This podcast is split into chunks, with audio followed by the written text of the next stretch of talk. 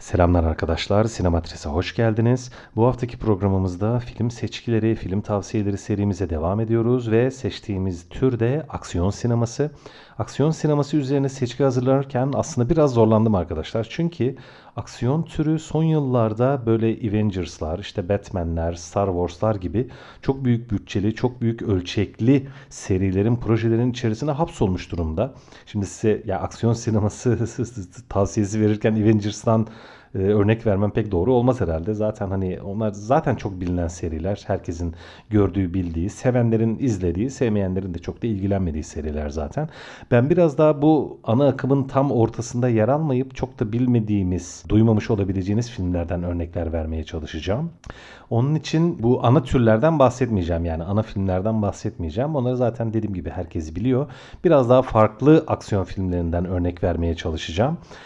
Seçkimin ilk örneği bir Fransız filmi arkadaşlar. Luc Besson'un Anna adlı filmi 2019 tarihli. Şimdi Luc Besson bilindiği gibi e, Fransız sinemasının Hollywood'a, Amerikan sinemasına en yakın duran yönetmenlerinden bir tanesi. Ta 90'lı yıllarda Fifth Element hani hepimizin bildiği 5. element böyle Star Wars'umsu, Star Trek'imsi, uzay operası böyle serüven filmi e, yapan e, Avrupalı yönetmenlerden bir tanesiydi. Çok erken uyandı buna yani gişe filminin sadece Amerika'da değil Fransa'da yapılabileceği üzerine bir dürtü hissetti galiba. Biz de gişe sinemasından e, bu pastadan biraz biz de nasiplenelim, biz, biz de dilim alalım dedi ve o zamanlardan beri aksiyon filmleri yapıyor zaten. Yapımcılığını da yapıyor birçok aksiyon filminin, Fransız usulü aksiyon filminin yönetmenliğini de yapıyor ve genellikle de Hollywood'un temel gişe formüllerini hemen hemen aynen uyguluyor.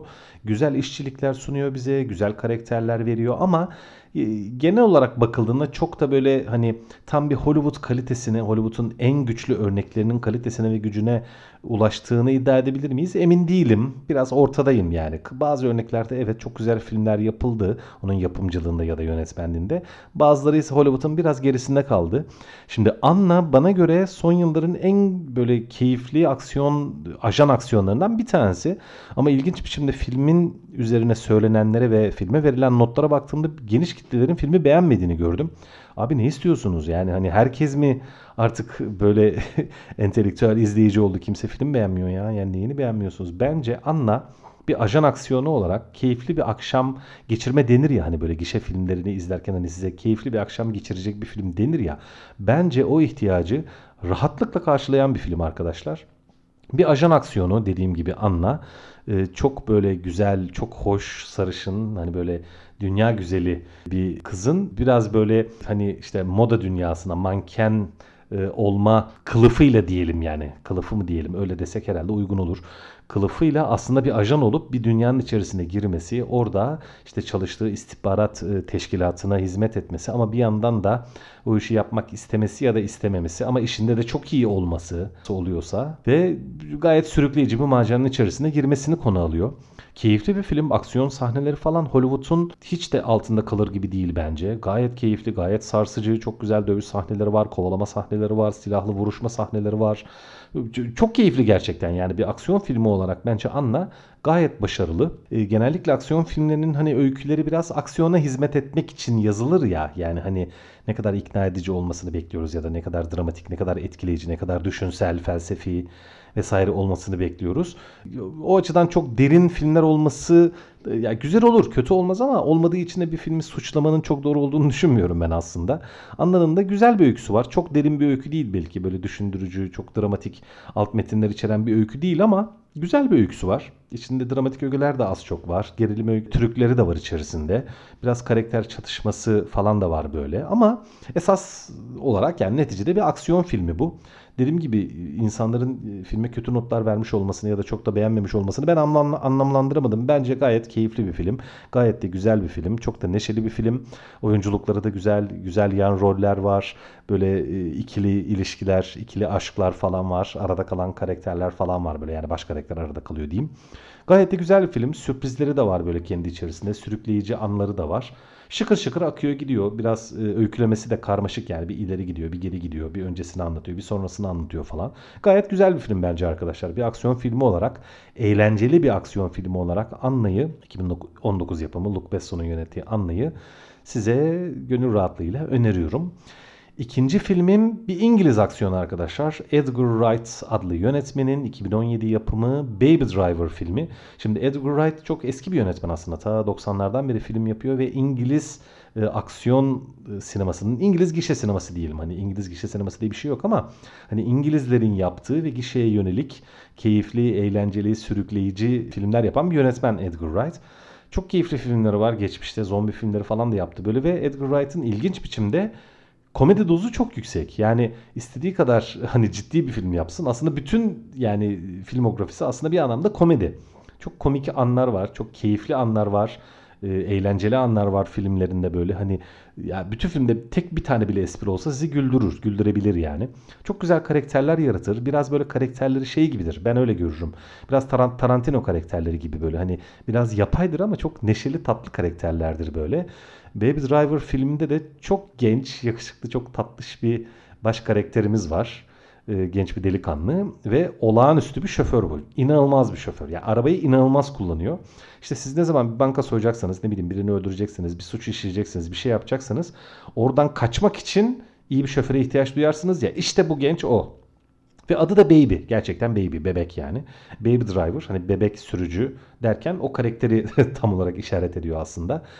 E, filmin hani rüya gibi bir kadrosu var. Hani Jamie Foxx var, Kevin Spacey var işin içerisinde.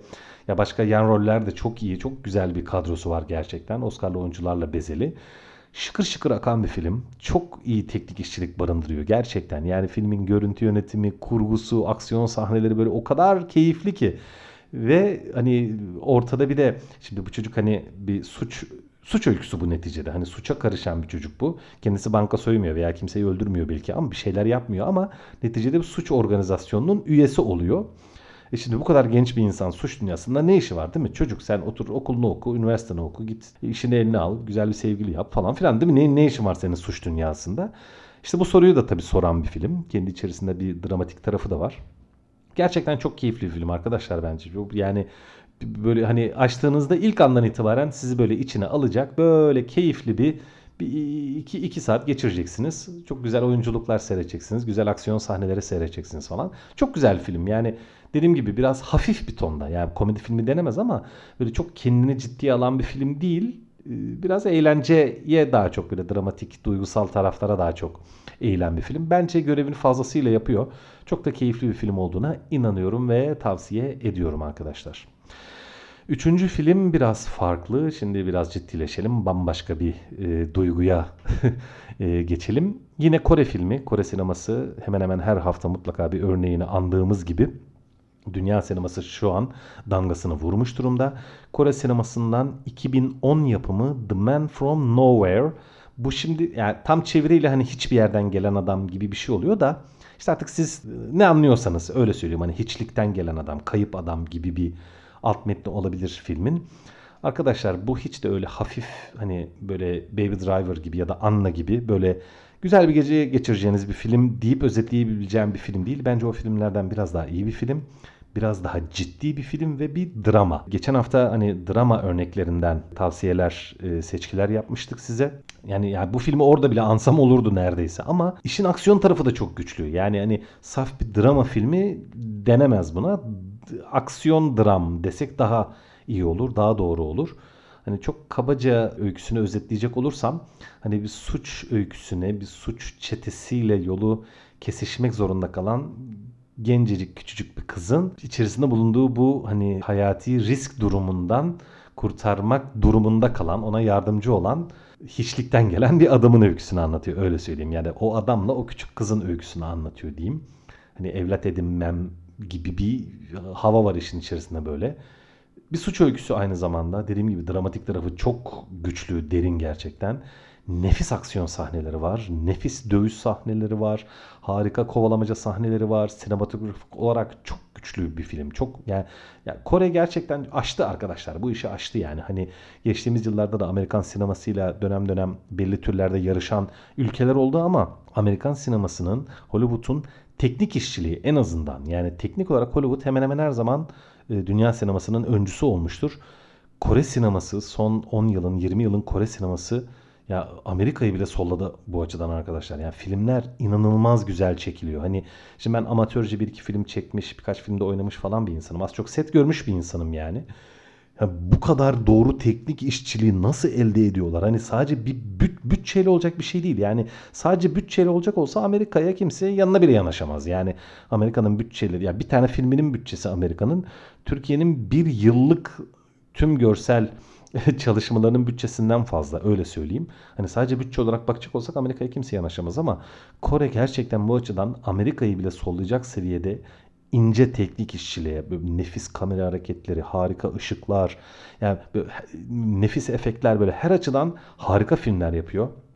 The Man From Nowhere de gerçekten çok iyi bir aksiyon filmi. Çok dramatik bir film. Nefis bir suç öyküsü.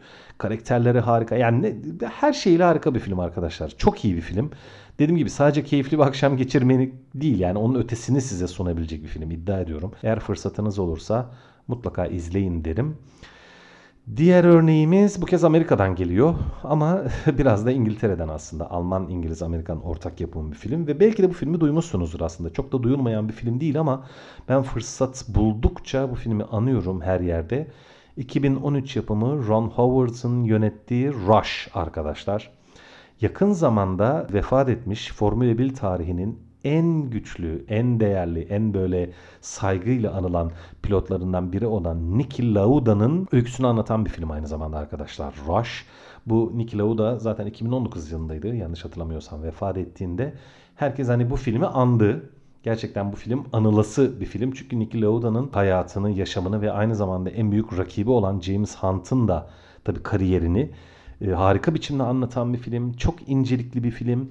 Şimdi aksiyon sinemasından örnek veriyorum aslında. Şimdi bu saf bir aksiyon filmi değil ama buna genellikle sinema dünyasında sport filmleri deniyor. Spor filmleri deniyor. E, belli sporları yapan insanların öykülerini anlatan, belli sporların dünyalarına pencere açan filmler. İşte futbol olabilir, Formula 1 dünyası olabilir, e, Amerikan futbolu olabilir ya da işte hani dağcılık, yüzücülük gibi doğa sporları da olabilir. Bu bir spor filmi yani Formula 1 filmi öyle söyleyelim.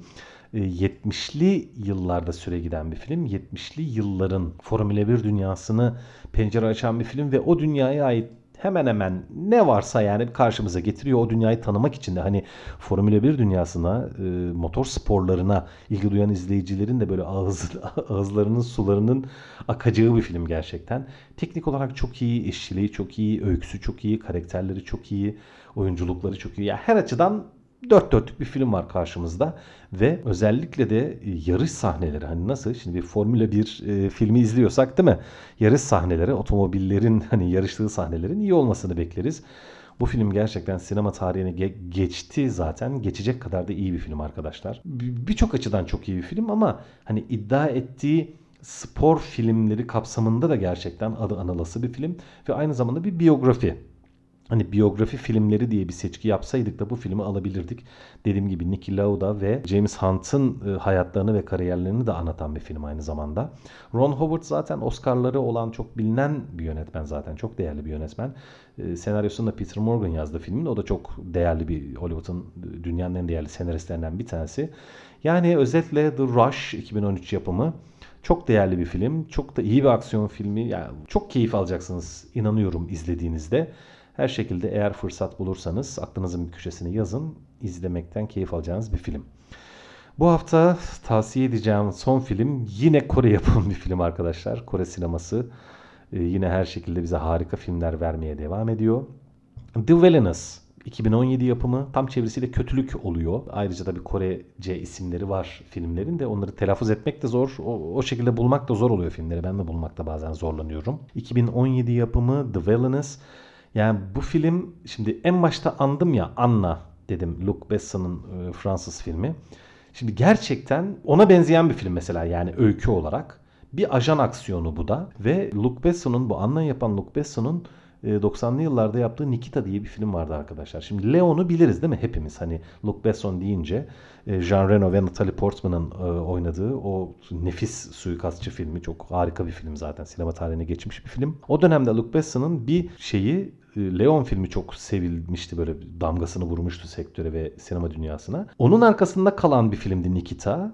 e, Luc Besson'un filmi. O da çok iyi bir filmdir yani. O da çok iyi bir aksiyon filmidir. Onu da öneririm. Bu film öyküsü biraz ona benziyor ama ya o kadar sarsıcı bir film, o kadar güçlü bir film ki yani hani o zamanın e, aksiyon anlayışıyla bugünün aksiyon anlayışı arasında nasıl bir e, ne, denir köprünün altından ne sular akmış mı denir hani zaman geçtiğini sembolize etmek için.